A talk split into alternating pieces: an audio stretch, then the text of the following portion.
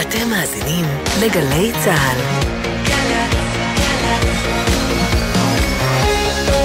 מה שקורה עכשיו. שלום לכם, אחת וארבע דקות, גלי צה"ל, כאן איתכם עידן קבלר, אבל התוכנית עושים ספורט לא תשודר השבוע, במקומה נביא את האופרה למרמור, לא סתם. אנחנו נביא את השבעת הממשלה, כלומר נתחיל להתכונן למשדר המרכזי שלנו שיחל בשתיים וייקח אתכם עד להשבעה. יניר קוזין ואפי טריגר יהיו אתכם משתיים ועד יומן הערב, ואז יומן סיכום השבוע שיעסוק מן הסתם וילווה את האירועים גם כן אה, עם אמיר בר שלום וחן ליברמן. שחררתי את אורי היום, אנחנו לא נעשה ספורט. אבל אנחנו כן נעשה הרבה דברים פריקים אחרים שקשורים ליום הזה שהחל במחיאות כפיים בכנסת. אתם דמיינתם אי פעם שתהיינה מחיאות כפיים בכנסת? אז זה מה שהיה, וזה נשמע רע. אבל בכל זאת, יש אה, חגיגה, יש ממשלה חדשה, ואנחנו קופצים תחילה בראש דברנו אל צמד... אה, השחר גליקים והיובל שגבים. אין לי הגדרה יותר אה, מוצלחת לזה. כתבי התחום הפוליטי, שלום. אנחנו פשוט, אנחנו פשוט מתפצלים פה לכל מקום ביום העמוס הזה, אז אנחנו, זהו, אנחנו כבר. ברבים הפכנו להיות. אתם פרוסים בכל רחבי המשכן.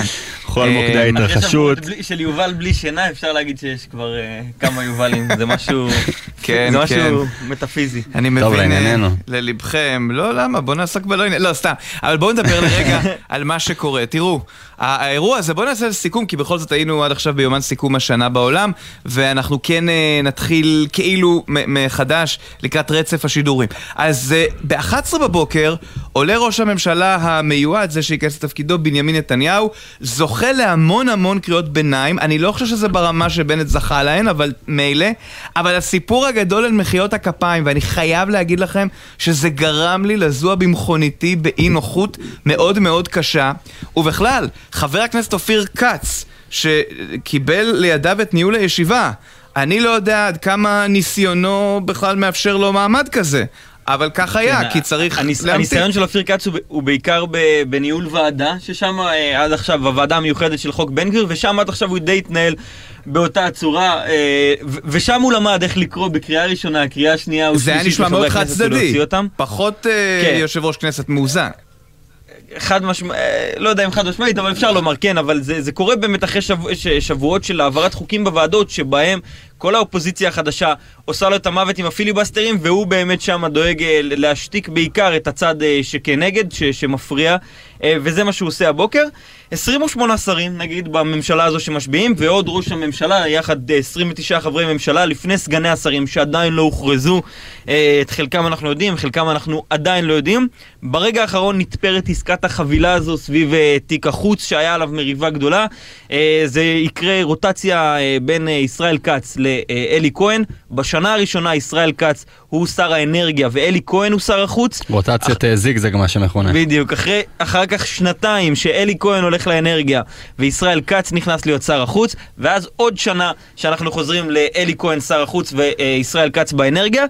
אגב, זה- צריכים להגיד, אני חושב שגם בלשכה של אלי כהן, גם בלשכה של ישראל כץ, גם בלשכה של נתניהו, אני עוד לא מכיר בן אדם אחד שחושב שנגיע לשנה הרביעית של הממשלה הזאת, שנשמע אופטימי במיוחד. אה, למה לא בעצם?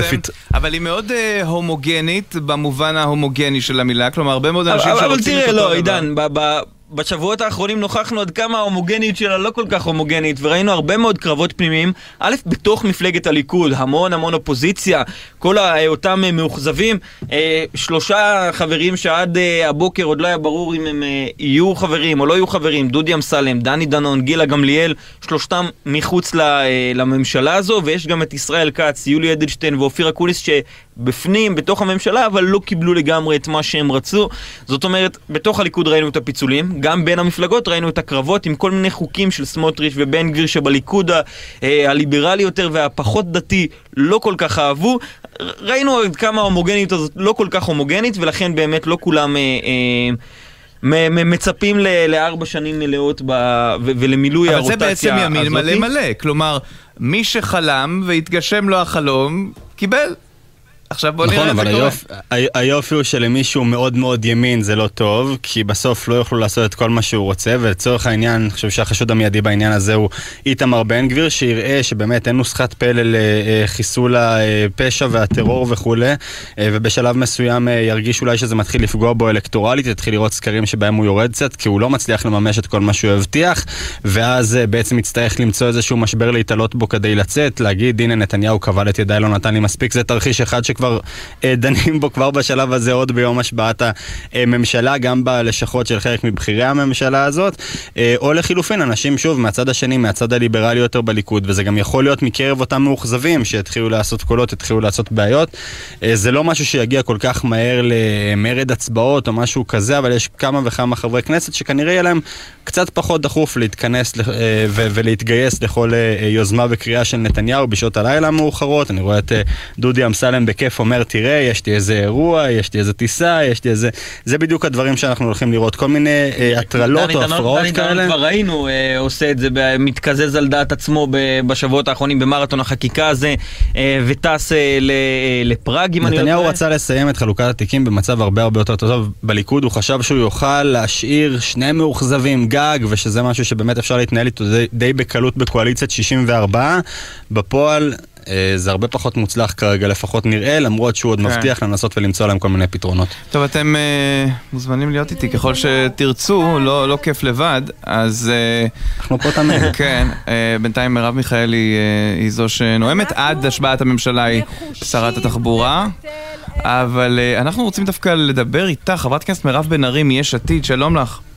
אהלן, צהריים טובים. את יודעת, כשאתה מאזין לשידור ברדיו, אז מטבע הדברים החושים שלך, חוש ההאזנה, חוש השמיעה מתחדד, ושמעתי אותך שם אה, בעימות, ונדמה לי ששני דברים הפריעו לך. קודם כל, א', שנקראת אה, קריאה ראשונה בלי שלטענתך הפרעת, אבל הדבר השני, מחיאות הכפיים. עד כמה זה היה חריג? נכון, וזה גם מה שאמרתי בדיון. אין דברים כאלה, אין בעיה, אתה יודע, בסוף הדברים, למחוא כפיים, לעמוד, אבל מה זה? זה כמו, זה היה באמת כמו, אני לא יודעת מה, איך אפשר להסביר את זה, לא ראיתי דבר כזה, אני בכנסת מ-2015. אין אירוע כזה, אפילו שהגיע מייק פנס, אתה יודע, שהגיעו אישים, מסיים את הנאום, מוחאים כפיים. מה זה השוק הזה? מה זה השכונה הזאת? או יושב שם יו"ר כנסת זמני, אה, שמונה בזמניות שלו, לא מכיר את ה, בכלל את ה... איך מנהלים מליאה, לא, לא, לא מכיר את התקנון. הלך איזה אלקין גם הסביר לו. לא מתנהלים ככה, לכנסת יש כללים, יש תקנון, יש חוקים. שאתה מחליט לעלות ו- ולהציג את ההישגים שלך, אם תעשה את זה, אין שום בעיה שתעשה את זה. אבל חברי הכנסת, שגם הם אגב, ברובם חדשים, לא מכירים את הכנסת, כל משפט הם מחאו כפיים. עכשיו, אמרת משהו בתחילת הדברים שלך. אתה אמרת, דיברת על מה שהיה עם בנט. מה שהיה עם נפתלי בנט בהשבעה שלו, זה היה אירוע מזעזע, אוקיי? ולמרות הקללות, אני מדברת איתך שישבו חברי כנסת וקיללו והשפילו אותו, מיקי לוי ניהל את הישיבה להוציא אותו. אופיר כץ, שנוציא חברי כנסת שבסך הכל, אתה יודע, אפילו התבטאו, אני, מה אמרתי, למה מוחאים כפיים, הוא זרק אותי החוצה. עכשיו, אני לא בקטע של יכולים, זה לא מתאים לי גם. כן. אבל לא מנהלים ככה מליאת כנסת. אבל מירב, הטענה של הצד לסדר. השני הוא... כן. שאתם בשבתכם כממשלת השינוי לא, רמסתם עזוב, את הדמוקרטיה הנה. בוועדות וש... הנה אני אחסוך לך אבל, הייתי במליאה שהושבע ראש כן. ממשלה זה היה קרב של שוק, של קללות, של... ועדיין הם ישבו, הם ישבו, אתה יכול לבדוק אותי. מה שהיה כאן היום לא היה כאן אף פעם. כל הפרוצות, כל, סליחה, כל הגבולות מה, אבל נפרצים. מחיאות כפיים? זה הקבוצות? זה, זה הק- הקצוות זה? שנפרמו? סליחה, יש תקנון כנסת. כן, זה התקנון. אנחנו כיבדנו אותו כש, כשנתניהו נאם, אנחנו באנו וקראנו קריאות ביניים שאגב גם מהן רגע, מותרות. ודפיקות על שולחן הכנסת בושה בושה כאילו זה לא היציע מקובל. הצפוני בסמי עופר? לא מקובל עליי, ואני אף פעם לא עושה את זה, אתה יכול לבדוק, לא מקובל עליי. אבל אין מה להשוות את מה שהיה כאן בהשבעה של בנט, כשהיו"ר והיו"ר המליאה אז היה מיקי, הכיל את האירועים והבין את התסכול, והיה להם תסכול, צריך להגיד. להגיד, אל מה שקרה כאן היום. וככה לא מנהלים מליאה, אבל בסדר, גם הכל זמני שם, יריב לוין זמני, עכשיו הוא זמני, עוד שלוש שעות יש יו"ר חדש. נאחל הצלחה ליו"ר החדש, אמיר אוחנה, ואני מאוד מאוד מקווה, אני מכירה אותו, אני מניחה שהוא יכיר את התקנון קצת יותר טוב. ככה לא מנהלים ישיבה במליאת הכנסת, זה שיהיה מה ברור. אתם מתכננים לעשות זה- כאופוזיציה, שהיא אה, בהחלט אופוזיציה בכנסת הזאת? אני גם לא יודעת כמה היא אופוזיציה הומוגנית, כפי שהייתה האופוזיציה הקודמת, וגם הצליחה בסוף, אה, את יודעת, לעלות לשלטון. תראי מה שסילמן עשתה, הביאה את המשרד להגנת הסביבה, כמה זה משתלם. מה שסילמן עשתה אה, זה אירוע נפרד שצריך אה, באמת אה, לפעול כנגדו, אם זה בבית המשפט או במקומות אחרים. אני יודעת שהתנועה לאיכות השלטון עושה את זה, כי בסוף היא יצאה הבטיחו לה הבטחה, היא פירקה על זה את הקואליציה ועכשיו היא שרה. רק אה, מי ש... מה שעיוור חירש או לצורך העניין לא באירוע של הכנסת כן, אבל מבין ההיבט שמה החיובי שקרה של כאן- האירוע הזה, זה שהם היו? אופוזיציה מאוד... אני אסביר מה אה, חיובי. אוקיי, אז בוא נפריד. הם כן, היו אופוזיציה... סילמן. כן, אז זה בסדר. אגף אחד של פעילותם היה להביא את סילמן למחנה שלהם, אבל אני מדבר נכון. גם באופן כללי. האם אתם אופוזיציה הומוגנית? ראיתי בתמונות כן. האחרונות שפורסמו, שאולי כן, אבל לפני אה, שבוע ומשהו, אפילו אחרי הבחירות, ראינו שאתם מאוד אה, מקוטבים, מקוטעים, עדיין קרבות אגו בין לפיד לגנץ כן. לכל היתר. אז, אז קודם כל בוא נבדיל מה שאחרי הבחירות שזה בתחילת נובמבר אל סוף דצמבר שאנחנו פה אחרי כמעט שלושה שבועות של מלחמה בוועדות אה, מה שנקרא כתף אל כתף של כל חברי האופוזיציה כולם. ותראה ברור לי שזה לא יהיה קל ויכול להיות שגם יהיו ויכוחים ומחלוקות. אבל כשאנחנו רואים כמו שראינו בשבועיים האחרונים חוקים פרסונליים מטורללים מסוכנים כולנו נהיה ביחד נגד הממשלה הזאת. ברור שיכול להיות בהתנגדויות, אתה יודע, אני לא רואה עין בעין עם כל שותף שלי לאופוזיציה, ועם זאת, באירועים של פגיעה בזכויות אדם, של פגיעה באמת בעקרונות של המשטר הדמוקרטי, אנחנו נהיה שם.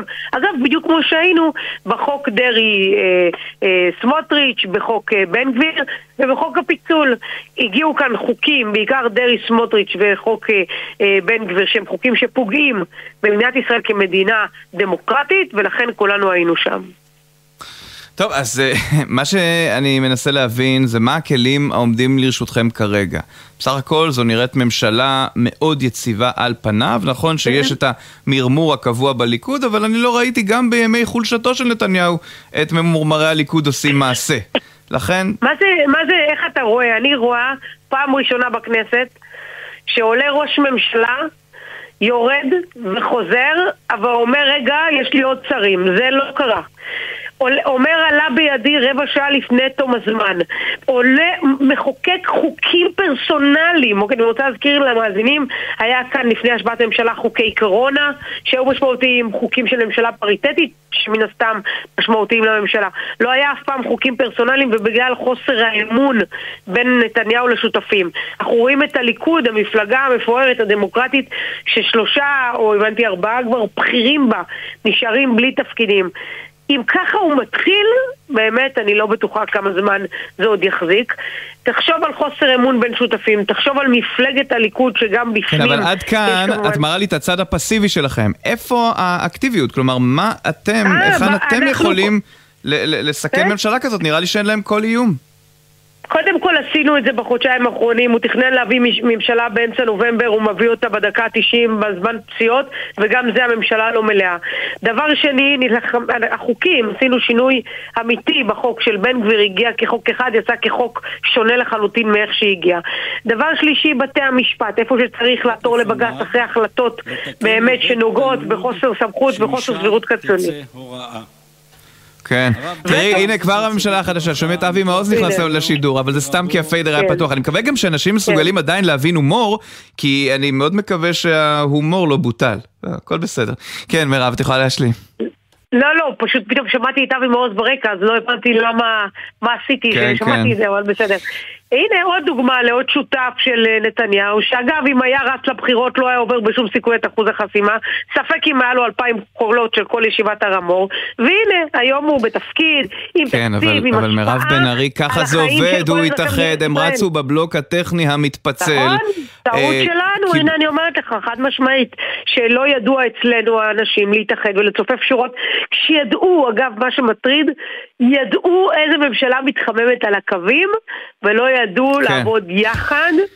אבל אני, די, אני כבר לא שמה, אני מזיז מהפנים קדימה כדי לבוא כן. ולסכל את כל מה שקורה אגב, בממשלה. אה, ביתר אה, ת- תני לנו אפרופו הבקיאות, ואמרת שאת באמת בקיאה בנהלים. אחרי שמוציאים, תוך כמה זמן ניתן לחזור למליאה? זה כמו בכדוריד, זה לא שתי תמיד דקות. אפשר, תמיד אפשר, אה, גם, תמיד אפשר לחזור אחרי כמה דקות, אומרים, תצא תצטנן. אה, אוקיי. הוא לא הסכים שנחזור, ורק for the record, שידעו שעד שלא הייתה התערבות של היועצת המשפטית של הכנסת, שהגיעה פיזית כדי להסביר לו שככה לא מתנהלים, ואז חזרנו. לאן כן. הגענו? אבל בסדר, טוב, אני תכף חברת יגיע הכנסת אמיר מירב בן אוחנה, ארי, יש עתיד. יש יו"ר כנסת חדש, נאחל לו בהצלחה ושיקרא את התקנון. תודה רבה. תודה אה, רבה. אתם יודעים, יש גם אנשים שלא אוהבים איזון מלאכותי, אבל אני רק אגיד שהיו אנשים שהתקופה האחרונה, השנה וחצי האחרונות, הן בכנסת והן בממשלה, מאוד לא נעמו גם להם. אז אתם יכולים אה, להגיד, בואו נתווכח אחד לאחד מה היה. לא, נדבר על תחושות. אה, טוב, איתנו חבר הכנסת איימן עודה, הרשימה המשותפת. איימן עודה, סליחה, שלום. כל הכבוד לך עידן, ושלום לכל המאזינים. זה, זה בא לנו מהכדורגל, אנחנו לומדים להגות את השמות כמו שצריך, רק הם בפה, אנחנו אומרים עדיין הם בפה, למרות שהצרפתים אומרים בפה. תשמע, איך- איך אני צריך להגיד את זה, עם פאפה? אה, צריך לומר בפה, אבל אחרי קיליאן, זה אתה יודע, קיליאן, קיליאן. קיליאן עדיף, נכון? כן. וואלה, קיליאן. תשמע, איימן עודה, זה יום אה, לא, לא פשוט לכם, זאת אומרת, אה, לא שאתם הייתם בתוך קואליציה, אבל אה, אתם הולכים כאן לממשלה שעל פניה, קווי היסוד שלה, בוא נגיד ככה, אינה באה לטפח את החברה הערבית. כל מה שאתה אומר זה הכי נכון. זו הממשלה המסוכנת ביותר, אין ספק בזה, אני מסכים איתך. יחד עם זאת, דבר שלא רצינו, אני חושב שדווקא הבהירות, ודווקא שעכשיו גם במרכז שמאל, יפנימו טוב מאוד, שבלי שותפות אמת, יחד עם האזרחים הערבים, בשביל לבנות אלטרנטיבה אמיתית, אמיתית, זה לא יהיה אף פעם. אני חושב שאנחנו צריכים לבנות אותה כבר מעכשיו, מהיום הזה שאני מדבר איתך, אני חושב שאנחנו יכולים לעשות את זה, והעיקר שיהיה מאבק עיקש בשטח, בכבישים, על הגשרים, מאבק עיקש. אני חושב שבכל העולם כולם יצאו נגד הממשלה המסוכנת הזו. כן, אבל אה, זה לא נעשה עד עכשיו. למה שעכשיו זה יקרה? ביניכם, הכוונה, בגוש המרכז שמו, אה, כי, כי עד עכשיו, אתה יודע, ראינו גם מלחמות אגו, גם אנשים שמתנערים מהערבים כאילו זה פיגוע אלקטורלי, תסלח לי על הזה, אבל אם לדבר אמת, ככה אנשים חשבו, נכון? אז למה שעכשיו זה ישתנה? בגלל המסוכנות של הממשלה. אני חושב שאנחנו, זה פרק חדש לגמרי. תשמע, זה לא בגין שפחדו ממנו בשנת 77, זה לא ליברמן שדיבר גבוהה גבוהה, וכשנהיה בשלטון אז היה כמו, כמעט כמו כולם. אה, אז למה שאלה לא יהיו ככה? הרי פרק, בסוף... זה פרק חדש לגמרי. אני חושב שהם יותר אידיאולוגיים, יותר עקביים, גם צעירים שרוצים לממש. אני, גם ההסכמים הקואליציוניים, לא היה אף פעם הסכם קואליציוני כל כך פשיסטי כמו ההסכם הזה. לכן זה, אני חושב שהאש הגיעה הפעם פשיסטי? גם למרכז שמאל. כלומר, המרכז שמאל הרגישו שיש להם מרחב מסוים, שאכן לא, לא, לא, הממשלה לא, לא לטעמם, אבל יש להם מרחב אה, אה, מסוים. היום אין את המרחב הזה, גם לציבור המרכז שמאל. לכן זה הזמן להפנים עמוק עמוק, שרק ביחד עם עקרונות כמה שיותר משותפים לכיוון השלום והשוויון. כלומר להגיד, שים את זה הצידה, זה לא עכשיו, מה שמעניין אותי זה רק המדינה העמוקה, כן. כביכול הלבנית, הלבנה האשכנזית של פעם, אני לא שותף, אבל... אבל עם כל הדברים ביחד, יחד עם בית המשפט, יחד עם חופש העיתונות, אני שותף. כן. כל הדברים ביחד. תשמע, אבל, אבל איימן עודה, האם אתה מכה על חטא כי בסוף מנסור עבאס ניסה לבנות שותפות ואתם פעלתם להפיל את ממשלת לפיד? שני דברים. אחד, אני חושב שלא רק הממשלה הזו, כל הציונות, מאז ותמיד, רצתה בן אדם כמו מנסור עבאס. רצתה בן אדם שמתייחס אל עצמו כמו אל נתין ולא אזרח. שאומר שאני מסכים שהמדינה שקמה על המולדת שלי, אני, היא מדינה של אחרים. אני מסכים. אני איימן עודה, בן אדם דמוקרט, שאומר שהמדינה צריכה להיות גם של עידן וגם של איימן. של כולנו, האזרחים שנמצאים פה.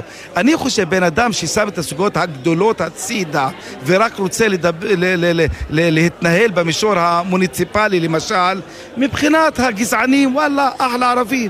אני לא מקבל. אבל אולי זאת הבעיה, אותי, שאתה מגדיר שיק- אותו כנתין, וככה אין דרך לשיתוף פעולה. אם כל אדם שיהיה גמיש, פרגמטי, יהיה נתין, איך אפשר להתקדם? במה אתה שונה בעצם, למשל, מסמוטריץ' ובן גביר בהקבלה, לא בהתאמה, בהקבלה, שאומרים את אותו דבר, אנחנו לא רוצים להיכנע למג... לחברה הערבית. לאנשים מבחוץ, אתה מבין?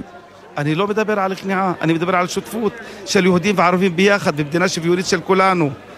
מה אני אומר? זה... אבל אם לשותף אתה קורא לגמרי. נתין, כן, אבל אם לשותף אתה קורא נתין, כן, אתה מבין? כי... תשמע, תשמע, כשבא אזרח ערבי ואומר אני מקבל שאני חי במדינה של אחרים, אני מה שמעניין אותי זה כסף, תשמע, מאז ותמיד כך רצו, תשמע את הסיפור הקטן הזה של חצי דקה, חצי דקה, כן. מאז 1901 בא הרצל לסולטן עבד אל-חמיד, אמר לו מצבכם הכלכלי קשה, קח כסף ושנקים מדינת היהודים בפלסטינה.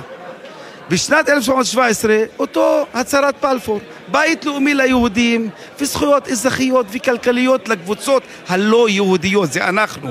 אנחנו, ה-93% בשנת 1917, אנחנו הקבוצות הלא יהודיות. כל הזמן רצו את זה, כל הזמן חיפשו איך אנחנו נהיה נתינים במדינה שהמפתחות נמצאות אצל אחרים. זה לא יקרה. אני אזרח לכל דבר, אני איאבק למען שוויון קולקטיבי ואינדיבידואלי. מגיע לי, מה זה מגיע לי? אני בן המולדת הזו, אין לי מולדת אחרת מלבדה. לכן מגיע לי, כן. אני איאבק למען הזכויות שלי, כולם. איימן יודע, הלוואי והיינו יכולים, הזמן פשוט נגמר, אבל הלוואי והיינו יכולים, אפרופו הזכרתך את ההיסטוריה, לנסות להבין למה ב-1947 לא התקבלה הצעת החלוקה גם על ידי הצד הערבי. אז היינו. יכולים אולי לחיות כאן בשלום מזמן. זה כן. לא פייר שתזרוק את זה ולא תן לך אז לענות חצי. דקה, כן. תשמע, אני הייתי, אני חלק מקבוצה קטנה שהייתה בעד הסכם החלוקה בשנת 47. תאופיק טובי, אמיל חביבי, אני ממשיך את דרכם. כן. אבל מי ששולט במדינת ישראל מאז 77, ברוב הממשלות, כולל הממשלה הזו, הם יוצאי האצ"ל והלח"י שהיו נגד הסכם החלוקה. היו נ... מאז 77, מי ששולט במדינת ישראל, הקבוצה שהייתה נגד הסכם החלוקה בשנת 47. אבל אני, אני מסכים שהיה צריך לקבל את ההסכם הזה, צריך לקבל פשרה על בסיס מדינה לצד מדינה, מדינה פלסטינית בגבולות 67 לצד מדינת אוקיי. ישראל, ויהיה שלום עם חבר. הכנסת איימן עודה, תודה רבה לך. תודה רבה. תודה רבה. אה, ועכשיו, כדי להכריע איתנו בשאלת אה, בפה או בפה, סתם. בועז ביסמוט, שלום. חבר הכנסת בועז ביסמוט, הליכוד, שלום לך.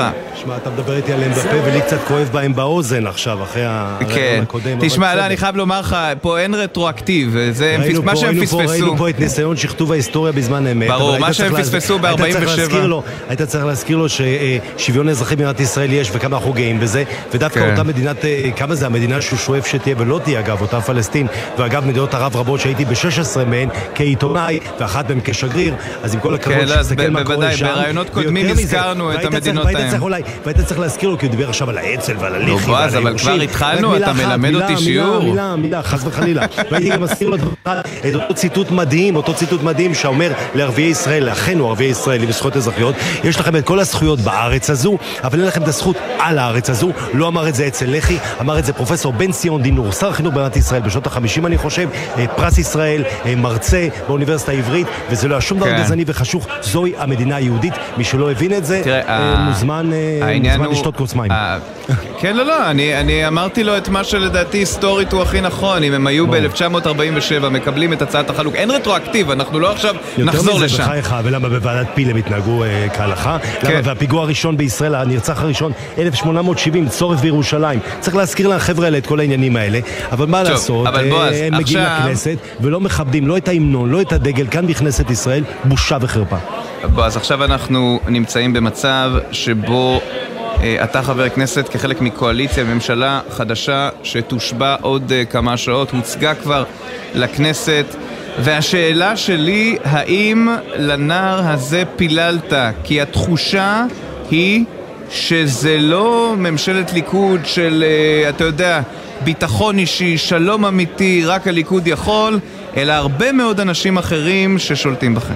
אז בואו, קודם כל נתחיל מזה, האם לזה פיללתי ממשלת ימין על מלא? כן, לזה פיללתי. האם רק הליכוד יכול? עובדה, מה לא אמרו שהליכוד לא יהיה מסוגל? נכנסנו הרי לפה לטרלול בשנת 2009, כאשר ראינו עד כמה היה מאוד מאוד קשה, אם זה להרכיב ממשלה, אם זה בכלל... אה, אה, 2019 אתה מתכוון. מ-2019, אמרתי... כן. הלוואי על כולנו 2009, אז טעיתי, אז טעיתי, כי הייתה ממשלה יציבה, אז כן. 2019, אז שים לב לטרלול שלנו נכנסנו, ובאמת רק הליכוד יכול להזכיר לך את אותם סקרים, שאיך אמרה זהבה גלאון במרץ, בלעדינו הם לא יכולים, כן יכולים, מה יכולים? בא הימין הישראלי ואמר את דברו. עכשיו, אתה מכיר גם את השיטה הפוליטית בישראל, מה לעשות? גם מפלגת העבודה בשיא כוחה, עם ה-50, 52, 54 מנדטים, לא יכלו לבד. היום אנחנו הליכוד, יש לנו את השותפים שלנו, אנחנו גאים בשותפים שלנו, אני, אין לי שום בעיה, להפך, עם, ה, עם, עם החרדים, אחים, עוד ב-77, בתקופת בגין עוד עבדנו יחד, כמובן הציונות הדתית, המתיישבות היהודית, הרי אני רוצה שיהיו כמה שיותר, אה, עוצמה יהודית שרוצים להשיב את הביטחון אה, כן. לרחובות ישראל. אבל אתה מונה את היתרונות, אינך ברור. מונה את החסרונות. ויש, אגיד... ואולי הם, אני לא יודע אם הם רבים, אבל לפחות לאוזן הם נשמעים צורמים. יפה אמרת. אז בואי ניתן דוגמה. בואו ניקח עובדתית. נעזוב מילים, או נגיד דבר כזה, נבדיל בין רעשים למילים. רעשים. רעשים. הקהילה הלהט"בית תלך ותיפגע, כמובן יהיה פה חשוך, מה יקרה בישראל?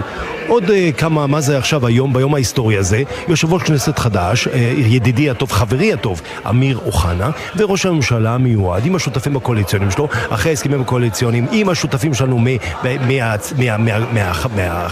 מהציונות הדתית, מהחרדים, בא ומברך את בן זוג של יושב ראש הכנסת החדש. אז שימו לב, זו אלה עובדות. פה זה לא סתם הפחדות. לכן אני אומר, בואו נרגיע ותשפטו לנו על פי מעשים, ואני חושב שהיום זה יום חג במדינת ישראל, לכלל אזרחי ישראל. סוף כן. סוף יש יציבות במדינה, סוף סוף תהיה פה קואליציה שתחזיק מעמד, ממשלה שתחזיק מעמד ותעבוד ותשרת את כלל האזרחים הישראלים, ואני יכול להבטיח, אנחנו בליכוד אנשים ליברליים. נקודה. עכשיו תראה, זה נכון ששמענו כולנו את ראש הממשלה הנכנס, המיועד, הנבחר, איך שלא תקרא לזה, נתניהו, אה, אומר את הדברים, ואני בטוח שהוא מאמין בהם, אין לי צלצל של ספק בכלל, אין לי צלצל של ספק שאתה מאמין ושמרבית חברי הליכוד מאמינים, אבל מה שקרה כאן הוא שהדברים הקטנים, הנקודתיים, סעיף פה, סעיף שם, סעיף זה, יכול לגרום לחברה הישראלית המעורערת, המסוכסכת, וגם ככה שהאיזונים שה, והבלנסים בין, בין, אתה יודע, בין החמצן שמגיע למוח אה, לא, לא בדיוק עובד,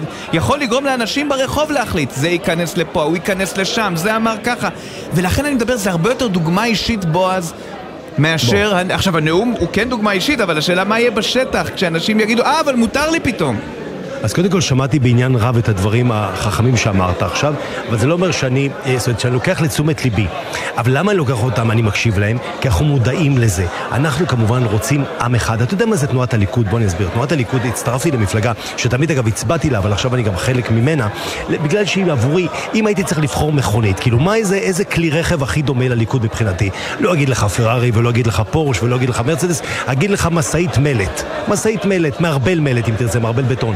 אנחנו מדביקים את החברה, אנחנו לא באים פה להפריד, או אנחנו לא באים פה לפלג. אנחנו רוצים לאחד, לאחד, כי זה אגב היופי של הליכוד. אני, אתה יודע, אני גר ב... אומרים תמיד, הליכוד זה כמובן, זה הפריפריה, לא נכון, אני גר בצפון תל אביב, אני רואה הרבה מאוד ליכודניקים. בבינתחומי השבוע הלכתי להדליק נרות חנוכה לפני כמה ימים, הרבה מאוד ליכודניקים. הליכוד זה תנועה עממית, תנועה שחס וחלילה לא מפלה אף אחד, וגם לא תאפשר את הדבר שכזה, ולכן אני אומר, בואו ונרגיע. עכשיו, נכון שבמשך השלוש שנים האחרונות נכנסנו לסוג של טרללת. נכנסנו למערכת הפוליטית עם דת אזרחי ישראל שחרמות זה דבר לגיטימי. לקחנו אדם מסוים, בנימין נתניהו לצורך העניין, האיש הכי פופולרי בפוליטיקה הישראלית, האדם שעכשיו שובר את שיאו שלו, לא את שיאו של בן גוריון יותר, אדם, שמענו את הנאום שלו, עכשיו שמענו את הנאום של לפיד, אי אפשר אפילו להשוות ואני לא רוצה להעליב אף אחד, ואתה רואה אדם שבאמת כל כך הרבה הישגים, עתיר הישגים, אבל אדם גם שמכבד, אדם ממלכתי, אני מכיר את נתניהו פגישה ראשונה ב-1989, ואיך צבעו את האיש הזה בצבעים קודרים, ואיזה יופי זה שב-1 בנובמבר בא הציבור הישראלי ואומר,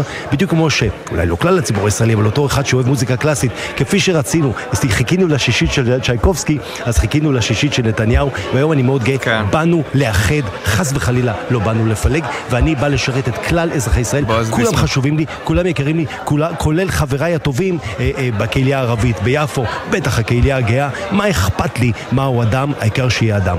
בועז ביסמוט, הליכוד, חבר הכנסת, תודה רבה. תודה רבה לך, יקר. צוות השידור שלנו אה, בכנסת מונה בין היתר גם את אה, מוטי זאדה וצביקה אליהו, ועוד מעט גם נשוב לשחר גליק וליובל שגב, אבל תחילה כמה הודעות.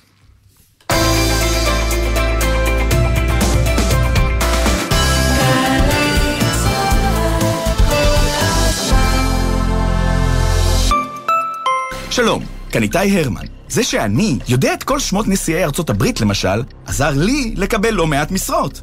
לרעיונות העבודה שלכם, זה בוודאי יועיל פחות. אבל מה שתלמדו באתר קמפוס IL יכול להעניק לכם יתרון בכל ראיון. כי בקמפוס IL תמצאו קורסים חינם כמו כתיבת קורות חיים, יצירת פרופיל לינקדאין, אקסל למתקדמים ועוד רבים שישדרגו לכם את קורות החיים.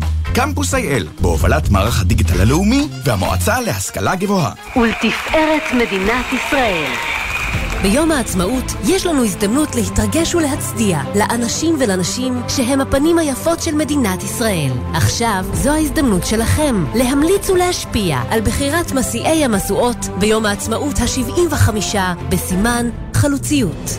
אתם מכירים חלוצות או חלוצים בעבר ובהווה? הראשונים שהפכו ועדיין הופכים רעיונות למעשים וחלומות למציאות? היכנסו עוד היום לאתר מרכז ההסברה במשרד התרבות והספורט והמליצו על מסיעי המשואות הבאים, נשים וגברים. עוד פרטים בטלפון 050-6222-945. תודה ממרכז ההסברה, המטה לטקסים ולאירועים ממלכתיים, משרד התרבות והספורט. בפעם הראשונה שראיתי את נכדותיי, עמדתי מעבר לרחוב. לא העזתי להתקרב. כך נפתח ספרה של הילה בלום, זוכת פרס ספיר של מפעל הפיס לספרות, 2021. ומי יהיה הספר הזוכה השנה בפרס ספיר של מפעל הפיס? אם אתם אוהבים סיפורים, בטוח תאהבו גם ספרים. הצטרפו אלינו לטקס ההכרזה על הזוכה ב-2 בינואר ב-11 ורבע בלילה בקשת 12. כל שבת ב-10 בבוקר, יורם סוויסה לוקח אתכם למסע מוזיקלי. והשבוע, מסע עם האחיות קרקוקלי. אתן רבות גם לפעמים? בטח. הקשר שלנו הוא האהבה הכי קיצונית, ולמזל שלנו, שמבחינה מוזיקלית, הטעם שלנו הוא כמעט זהה. מסע עם יורם סוויסה, שבת 10 בבוקר, ובכל זמן שתרצו, באתר וביישומון גלי צה"ל.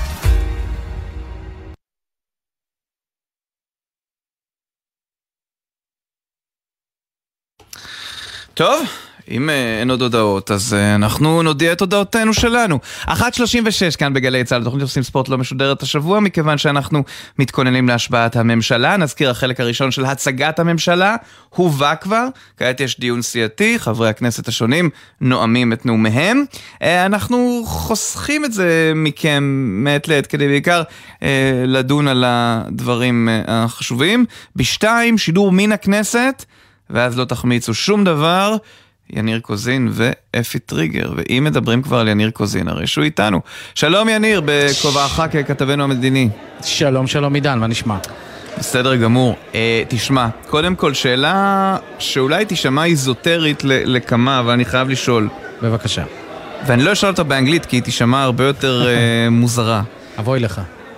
מה הקטע של בנימין נתניהו עם רון דרמר ברמה של לייצר לו תפקיד שר, וזה כמעט הלך והגיע לתפקיד החוץ. עכשיו, אני רוצה להבהיר את שאלתי. אין לי שום דבר נגד רון דרמר, אני חושב שלא שוחחתי איתו פעם בחיי.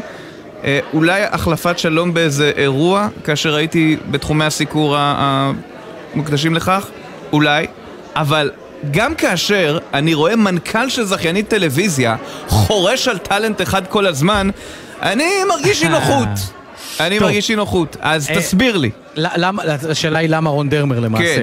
תשמע, אה, זה, זה, אני רק אתן לך תקציר קטן על, על ההיסטוריה שלו, של רון דרמר, כי הרי רון דרמר היה שגרירנו בוושינגטון. ודאי, ועוד קודם במהלך- לכן יועץ מדיני. בוודאי, אבל היה שגריר, מה שאני רוצה לומר, במהלך כהונתו של אובמה. ושם הוא היה במידה מסוימת פרסונה נון גרטה. היה לו מאוד קשה, הוא לא הוזמן אה, לבית הלבן, לא אהבו אותו לשם. ותראה איך הדברים מסתדרים. בסוף, הכל עניין של יחסיות. כן, עכשיו רון דרמר הוא שושנה בין החוכים. למה? כי בעצם רון דרמר מכיר את הציבור האמריקני, הוא מכיר גם את הממשל האמריקני. ונתניהו צריך דמות כזאת לצידו.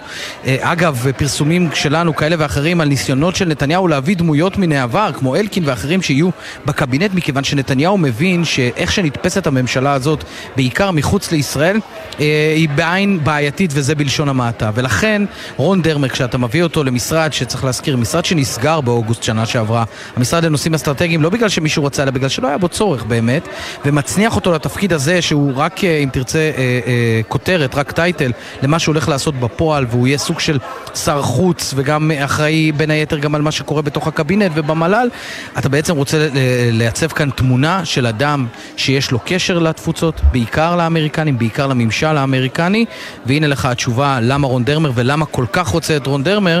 מכיוון שהדמות שלו נתפסת גם בק- בקרב הקהילה היהודית בארצות הברית כדמות מאוד מקובלת וטוב שתהיה בממשלה הזו. יניר קוזין, תודה רבה. תודה רבה. איתנו מייקל אורן, לשעבר שגריר ישראל בארצות הברית, אה, חבר הכנסת, לשעבר סגן שר במשרד ראש הממשלה. שלום. שלום רב. אז אה, אתה... שלום רב, צהריים טובים. כן, כן, אתה מתחבר לדבקות הזאת, לנאמנות של נתניהו לדרמר, וזה יהיה אחד מהגורמים שיושיעו את ישראל מול השלטון האמריקאי המעט מעט אה, מאתגר.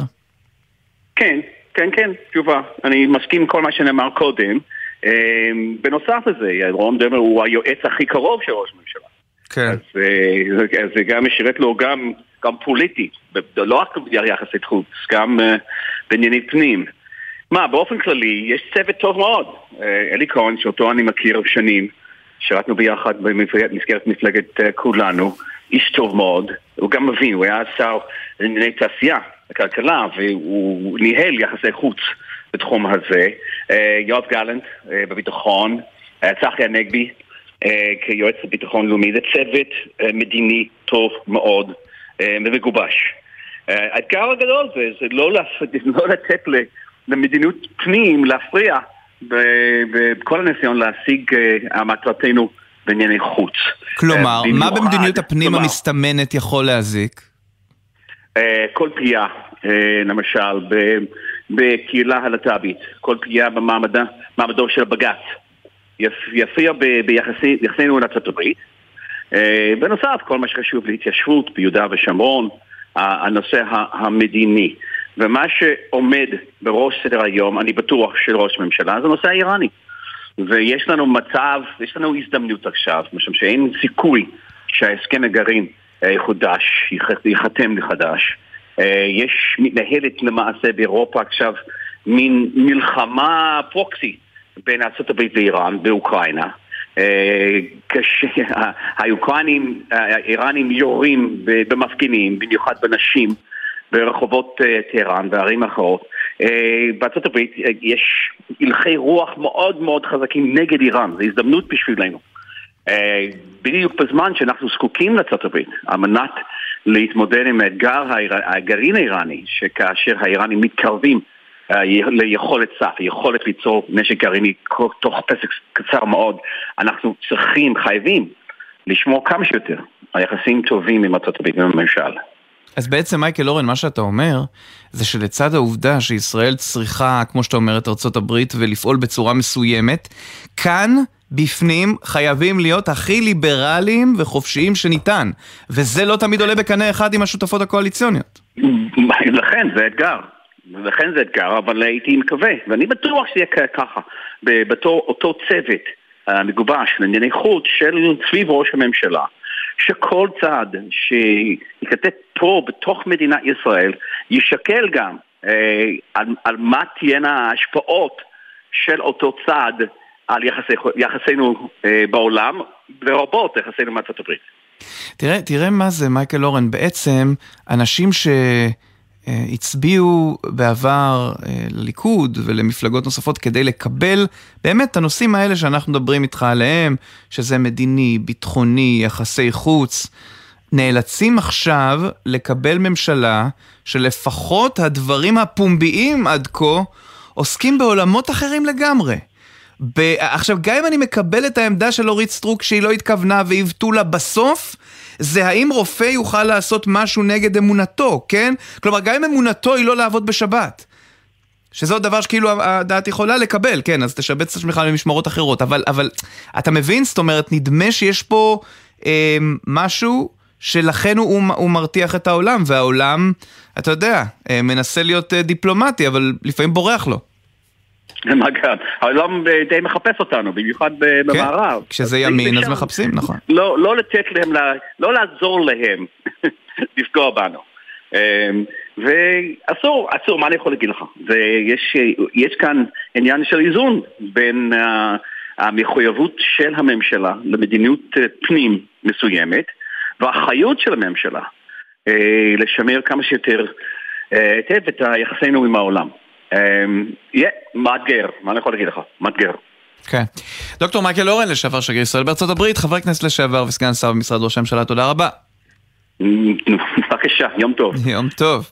חבר הכנסת אה, יצחק גולדקנופף אה, מיהדות התורה נמצא כעת על דוכן הנואמים. שחר גליק, בוא נאזין מעט לדבריו. נזכיר אם אינני טועה, בוודאי אם אני טועה יתקנו אותי, גולדקנופף הינו כפתור מוזהב. חוששים הממשלה החדשה. ומשגר אליכם מסר של פיוס, אחווה ורעות. אנחנו מכבדים את כולכם, אנחנו מכבדים את מוסדות השלטון, אבל בואו נדאג שהכבוד הזה יהיה הדדי. כבדו את הממשלה הנכנסת ואנחנו נכבד אתכם. כן, אלה הדברים של חבר הכנסת יצחק גולדקנופ, יהדות התורה, שלום שחר גליק. נאומי פיוס, אה, ככה זה נראה mm-hmm. כאן. מה שקורה עכשיו, נסביר רגע את ה, באמת את המצב ש, שיש פה עכשיו. אחרי שהציגו את הממשלה, כל אחת מהסיעות עולה לנאום הרבה מאוד זמן, יש תשע דקות לכל סיעה ואחר כך עוד חמש עשרה דקות לכל סיעת אופוזיציה, זה הרבה מאוד זמן, בערך שלוש שעות סך הכל. אה, ואנחנו רואים פה באמת חברי האופוזיציה החדשה עולים ותוקפים את הממשלה, אבל חברי הקואליציה הנכנסת בנאומים שמנסים להרגיע את הרוחות. אז שמענו עכשיו את גולדקנופ קורא לפיוס, גם לפני כן גפני עולה, אומר אני פונה לציבור המסורתי ובעיקר לציבור החילוני, אה, לא הולך לקרות שום דבר, היינו בשלטון עשרות שנים, דאגנו לכם, אני מבטיח לכם שלא יהיה שום שינוי בהתנהגות שלנו, נמשיך לדאוג לכם, ככה גפני. גם אבי מעוז שסומן כאיזה דמון אה, בקרב הרבה מאוד אה, אנשים ב, אה, בקואליציה הזו, עולה מוקדם יותר לנאום, הוא מתייחס גם לרשימת הלהט"ב להט"בים בתקשורת שפורסמה של אה, מפלגת נועם, אומר אה, שזה עוות בתקשורת, אומר מדובר בחומרי הסברה אה, למעבירי חוגי בית שנלקחו מאתרים של התקשורת שבעצמה עשתה את הרשימות האלו. ריכזנו את הנתונים כדי להראות את ההשפעה במערכות הציבוריות השונות. הוא אומר אני אצביע בעד אמיר אוחנה לתפקיד יושב ראש הכנסת כי אין לנו שום דבר נגד להט"בים, יש לנו בעיה נגד האידיאולוגיה הלהט"בית, ככה הוא אומר, ובאמת אחד אחרי השני הם עולים ומנסים קצת להרגיע. להגיע הקואליציה הנכנסת הזו, אה, והאופוזיציה הזו, אה, האופוזיציה במקביל, אה, הנה עכשיו יבגני סובה מישראל ביתנו נואם שם האופוזיציה במקביל בנאומי התנגדות לממשלה הזו. חלק מחברי האופוזיציה, צריך לומר, יוצאים ונכנסים כל הזמן. המליאה די ריקה בשעה זו, יש שר כן. אחד... זה ש... תמיד ה... הבטן הזאת בין הצגת הממשלה לבין השבעתה, כן? כן, אז, אז יש באמת אה, שר אחד שנמצא פה בכל זאת, אבל uh, הרבה מחברי האופוזיציה יוצאים החוצה, כי מחוץ לכנסת יש הפגנה uh, של פעילים מכל מיני ארגונים uh, נגד הממשלה הזו, והם יוצאים שם. אגב, כל הרחובות uh, חסומים מסביב לכנסת, מונעים uh, מרכבים להתקרב יותר מדי. יש גם מכתזיות שמסתובבות בחוץ מחשש שההפגנות הללו יסלימו, אבל בינתיים זה המצב שם בחוץ. עוד דבר שקורה בדקות האחרונות, מתפרסם סדר הישיבה החדש אחרי החלפת הממשלה הזו בתוך מליאת הכנסת, ומה שחדש שם זה שיש עוד שולחן מעבר לשולחן הממשלה שאנחנו תמיד מכירים, השולחן הפנימי בתוך מליאת הכנסת, יש עוד שולחן שבדרך כלל שימש חברי כנסת מאחורה, אבל בגלל ריבוי השרים הוא ישמש שלושה שרים, ישבו שם גלית כן. דיסטל אטבריאן ורון דרמר וחיים ביטון. יהיה עוד די זמן לעסוק בסידורי הישיבה, שחר, כן. במשדר הגדול והעוצמתי שיחל כאן בשתיים בצהריים. אני פשוט חייב לעבור לאנשים שאנחנו רוצים עוד להספיק לדבר איתם בדקות המעטות שנותרו. תודה רבה, דורון קדוש, כתבנו לענייני צבא, וגם שם מכתבים על מכתבים ומכתבים. נכון, שלום. אז באמת אחרי מכתב הטייסים שראינו, יותר מאלף ומאה טייסים שככה יצאו נגד הממשלה החדשה והמדיניות הצפויה שלה, אז מפקד חיל האוויר, האלוף תומר בר, למעשה עונה למכתב הטייסים הזה, והוא כותב פקודיי בסדיר ובמילואים, ראיתי את המכתב שהופץ, המדיניות שלי ברורה מאוד בנושא, משרתי צה"ל ובהם גם אנשי חיל האוויר מחויבים בממלכתיות והוא קורא לכל המשרתים בחיל האוויר הימנעו משיח פוליטי פומבי בין היתר ברשתות החברתיות תחת זהותכם כאנשי צבא כמפקדים בצה"ל מוטלת עלינו האחריות לקיים הבחנה בין הזכות האזרחית להביע דעה לבין החובה להשאיר אותה בצד מהרגע שאנחנו לובשים את המדים כך שמהמכתב הזה שמפקד חיל האוויר מפיץ הבוקר למשרתים בחיל בעקבות מכתב הטייסים מלפני מספר ימים אנחנו יכולים להבין שהוא לפחות לא כל כך אהב את ההתבטאויות של האנשים האלה ואת החיבור או הזיקה שניסו לעשות אה, אה, יותר מאלף ומאה אה, לוחמי צוות אוויר במילואים ולשעבר בין העמדות הפוליטיות שלהם לבין חיל האוויר עצמו. תודה רבה דורון, ועכשיו אל צמד הפרשנים לקראת סוף השעה, עוזי ברוך, העורך הראשי של ערוץ 7, שלום. שלום, צהריים טובים עידן. ומזל מועלם, ערוץ כנסת ואל מוניטור, אבל אולי חשוב מכך לקראת שיחתנו, מחבר את הספר צופן נתניהו. שלום מזל. שלום עידן. אז עוזי, אני תכף אבוא אליך, אבל מזל, כיצד מסתדר הדברים שאת למדת במהלך כתיבת הספר על נתניהו להתנהלותו במשא ומתן הקואליציוני והיום בהשבעת הממשלה? כי מצד אחד המטרה הושגה. הוא ראש הממשלה. בדיוק. מן העבר השני, זה עולה, המחיר רק עולה, זה אף פעם לא יורד. אז כפי שאמרת, הדבר הכי חשוב שהיה לנגד עיניו של נתניהו, הוא היה לחזור אל ראשות הממשלה, זה לא היה מובן מאליו ולא דבר של מה בכך, הוא כזכור נפל, מהאופוזיציה לא פשוט לחזור, בטח לא במצב גם המשפטי שהוא היה נתון בו. ולכן זה היה הדבר הכי חשוב בו. אם אתה שואל לגבי נתניהו, שהוא מסתכל על כל האירוע הזה, אז יש את מטרת העל, ובדרך יש כל מיני אירועים שקורים, וכל מיני משימות, בין השאר משא ומתן קואליציוני מאוד מאוד ארוך, שגם אה, אולי קצת פגע בו אה, ציבורית, אבל אה, הוא מייצר לו, לדעתי, אה, שקט, כי הוא מאוד מאוד מפורט, השותפים שלו מאוד מאוד מרוצים, יצאו עם רוב תאוותם בידם, כפי שאומרים, בטח דרעי שהלך איתו דרך ארוכה, בטח בן גביר, סמוטריץ' ואחרים, וגם בליכוד בסך הכל הוא מצליח להשתלט על האירוע הזה. לא יכול להיות אה, מצב של מרד כרגע, אנשים מבודדים, אין קבוצה שתעמוד מולו. ומעל הכל נתניהו, אומרים הרבה בימים האחרונים, הוא סחיט, הוא חלש. תראה, כל ראש ממשלה שמרכיב ממשלה, בטח בנסיבות כאלה שלא היה לו, הייתה לו רק ממשלה אחת להרכיב. זאת הממשלה היחידה שהוא יכול היה להרכיב, ואותה הוא הרכיב ויש לה מחירים גבוהים בכל, כן. uh, גם uh, כספיים וגם אז זהו, מזל, אני עוד אשוב אלייך, אבל עוזי, אני עכשיו okay. רוצה אוקיי. לבוא אליך, עוזי ברוך, העורך הראשי של ערוץ 7, תשמע, בוא נדבר לרגע על האם... הימין, מצביעי הימין מרוצים, כי זו באמת נראית ממשלת ימין מלא מלא, אבל בוודאי יש בתוכם שאומרים, זה אולי מלא לנו מדי, כי הם ניגשו פה גם לסוגיות שמרניות, שאולי יש חלקים בציבור שהצביע שאומר, הלו, לא, לא לזה התכוונתי. טוב, קודם כל אני מוסיף למזל שנתניהו אה, בכל מקרה הסכים גם בעצמו למרות כל ההכחשות כי הוא סימן מטרה להישאר אז בשלטון ואפילו למרות ההכחשות הוא אה, הסכים אה, לסגור ממשלה, רצה לסגור ממשלה עם מנסור עבאס כדי להישאר בשלטון, אבל אה, למורת רוחו אה, בצלאל סמוטריץ' שעמד על עקרונותיו בלם אותו, גם במחיר של תבוסה וישיבה באופוזיציה במשך למעלה משנה וחצי, ו- וזה מה שמחבר אותי, בצלאל סמוטריץ', דווקא לגוש הימין שהוא הקים כעת. חמש הממשלות האחרונות של נתניהו, עידן, אה, לא הותירו אה, ספק אצל השותפים שלו, אולי כולם חוץ מאיתמר בן גביר למדו כבר על בשרם שנתניהו, ואני וכולנו יודעים את זה, אוהב מאוד להבטיח, אבל עוד יותר אוהב לא לקיים. ולמי שמתבונן כרגע מהצד, הממשלה הזאת נראית מאוד הומוגנית. אבל אה, אנחנו, יש, יש מתיחות לקראת מה שצפוי, כי אני אומר לך, בין אה, אה, סמוטריץ' ובן, ובן גביר לא מתכוונים לנוח. יש להם סוגיות כמו חומש, השתלטות הבדואים בנגב, אישורי בנייה ביו"ש, פסקת ההתגברות. הם לא יסכימו שנתניהו יגיד להם, רגע, אה, חכו שנייה, אז לוחצים עליהם מארצות הברית, ביידן וכולי. יש לנו אתגרים כבירים אה, באיראן וכל מיני סיבות כאלה.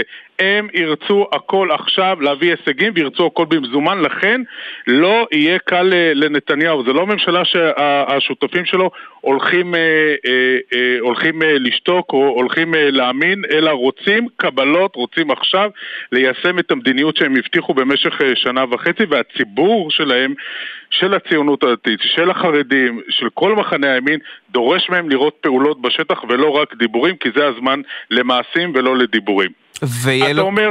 כן, זה, זה, לא, זה יהיה קשה לנתניהו, מכיוון שהרבה מאוד מהמעשים שלהם הם לא מה שמצביעי הליכוד ואולי אפילו מכלול מצביעי הקואליציה מעוניין בהם. ואני מדבר דווקא על, ה, על הפקים הקטנים שהם ממש לא קטנים ואולי גם לא פקים. אתה מבין? אלא דברים שיכולים להיות מאוד משמעותיים לאוכלוסיות מסוימות. בוודאי, ואני לא חושב אגב שיש חלק קטן בציבור, במחנה הנקרא לה הדתי-לאומי, אה, כן, של הסמוטריץ' ובן גביר, מה שהיה אז פעם אה, נקרא ימינה, כן, החבר'ה של מתן כהנא, הם אולי יכולים קצת לצעוק גוואלד שהם רואים את, אה, את, את, את השר במשרד, את, את אבי מעוז למשל, הם יכולים לומר שהיא קצת קיצונית, אבל כולם יחד, המחנה הלאומי היום, שמונה את בצלאל סמוטריץ', בן גביר והציבור החרדי, ומעטים בתוך הליכוד, לא להתבלבל, זה לא כל הליכוד, לא כל הליכוד הוא מקשה אחת, לא כל הליכוד הוא ימני כמו אה, בצלאל סמוטריץ' או כמו אה, בן גביר, כולם רואים מטרה אחת, להחזיר ממש את שלטון הימין כן. ולראות מעשים, ולכן לא יהיה לו זמן, לא, לא יוכל... כן. לא, לא, עוזי, אתה עדיין איתנו? לדעתי מזל נותקה? כן, כן, מזל נפלה. אה, אוקיי, אז, אז זה מה שאני אומר, הוא הולך פה עם ציבור, אני אומר לך, למה אני אומר לך עוד פעם את סמוטריץ'? כי סמוטריץ' אז במחיר שהוא היה יכול לקבל את כל הממשלה ביד, אם רק היית מסכים לקבל את מנסור עבאס ב-61. סמוטריץ' אמר, אמר יש לו עקרונות, אני גם במחיר של ישיבה באופוזיציה, אני מוכן לוותר, לתת את השלטון לבנט ולפיד, אבל אני לא לוקח איתי את מנסור עבאס כי אלה העקרונות שלי, ולכן צפויה לנתניהו ממשלה לא קלה. ממשלה שהשותפים שלו רוצים עכשיו ובמזומן. כי מנתניהו לוקחים רק במזומן. אין צ'קים דחויים ואין אשראי. טוב, זה מה שנקרא חוכמת ההמונים, זה ההיסטוריה מלמדת. אה, בוודאי. אין ברירה. עוזי ברוך, העורך הראשי של אה, ערוץ 7, תודה רבה לך. תודה. ותודה רבה גם למזל מועלם שהתנתקה מאיתנו, אבל תודה רבה, אני מניח שאת מרבית התובנות ביחס לזמן שלנו אה, קיבלנו ממנה. זהו זה, אנחנו חותמים כאן את השעה הזאת שהפכה להיות מעושים ספורט לסוג של עושים השבעת ממשלה. אנחנו נשוב בשבוע הבא עם עושים ספורט. אני רוצה לומר תודה לשיר אמן שערכה אותנו, למפיקה לצידה, מאיה שוקן, יואב מאיסי גם כן. תודה רבה גם לנוגה זלצר, על הביצוע הטכני, נדב דור, באולפנים בכנסת, צביקה אליהו ומוטי זאדה. עורכת הדיגיטל היא מיה אורן, ומה שהולך לקרות זה שעכשיו אנחנו נעבור להודעות, ואז תהיינה חדשות, ולאחר החדשות יהיה משטר מיוחד מהכנסת עם יניר קוזין ואפי טריגר. אנחנו מניחים שבערך בשעה ארבע, ארבע וחצי תושבע הממשלה, בכל מקרה בחמש יומן סיכום השבוע עם אמיר בר שלום וחן ליברמן גם כן במהדורה מיוחדת להשבעת הממשלה. בקיצור, לא תפסידו כלום מכאן ועד למתחייב אני האחרון. זה מתחייב אני, נכון? להתראות. בחסות מלונות דן, המציגים סוף שבוע של הופעות. עידן עמדי, יסמין מועלם וטונה. במלונות דן פנורמה אילת ונפטון, 16 עד 18 בפברואר. בחסות מטבחי סמל, המזמינים אתכם לימי מכירות בהנחות על מטבחים ומוצרים משלימים. עד סוף דצמבר, מטבחי סמל, כשטכנולוגיה פוגשת אומנות. בחסות רשת ביתילי, המציעה לסגור את השנה בחצי ספה. סליחה, בחצי מחיר. מכירת סוף שנה, עד חצי מחיר, על מגוון רהיטים ופרטי עיצוב. באתר ובסניפי ביתילי. נשמע, נשמע, סוף השבוע,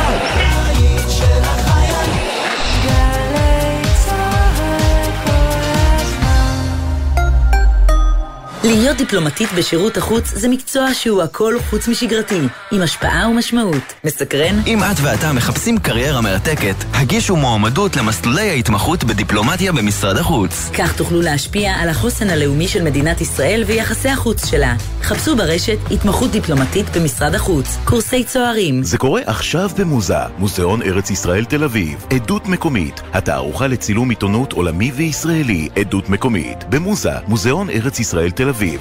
והפעם בסיפורי לילה איתנו יוסי, נהג סמי טריילר שקיבל 300 שקלים מענק. יוסי, מה עשית לשם כך? פשוט העמסתי ונסעתי בלילה. ועל זה קיבלת עוד 300 שקלים. סיפור מדהים. חדשות טובות לחברות התובלה ולנהגי המשאיות. מיזם לילה טוב מתרחב. מהיום משנעים מטען כללי מהנמל, משלוש בלילה עד שש לפנות בוקר, ומקבלים עד 300 שקלים מענק על כל הובלה. 300 שקלים מענק? זה ענק. לפרטים חפשו מיזם לילה טוב בגוגל. מגישה חברת נמלי ישראל. עוגן חשוב לכלכלת ישראל. המענק כפוף לכתב התחייבות.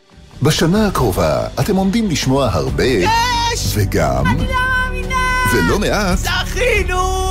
30 אלף, כן, 30 אלף זכאים, יזכו השנה להגשים חלום ולזכות בדירה בהנחה בהגרלות של משרד הבינוי והשיכון ורשות מקרקעי ישראל. אז בהנחה שאין לכם דירה ובהנחה שאתם זוג נשוי או רווקים בני 35 ומעלה, יש לכם סיכוי לזכות בדירה בהנחה. חפשו ברשת דירה בהנחה, תקווה לדירה במרחק הגרלה, כפוף לתקנון. שתיים אחת, אקשן! סיכום השנה בתרבות, פרשות משפטיות, המשפחה הישראלית שתובעת את אולפני פרמאונט, מאבק בגזענות, Jewish people are not going to tell me. מלחמות. We already won this war. רגע, רגע, רגע, איך כל זה קשור לתרבות? ברור שקשור. אנחנו הרי נצטרך לעשות סיכום שנה כדי להסביר לך. ענבל גזית וטליה בנון צור מסכמות את 2022 בעולם התרבות ברחבי תבל. מחר, תשע בבוקר, גלי צה"ל. מיד אחרי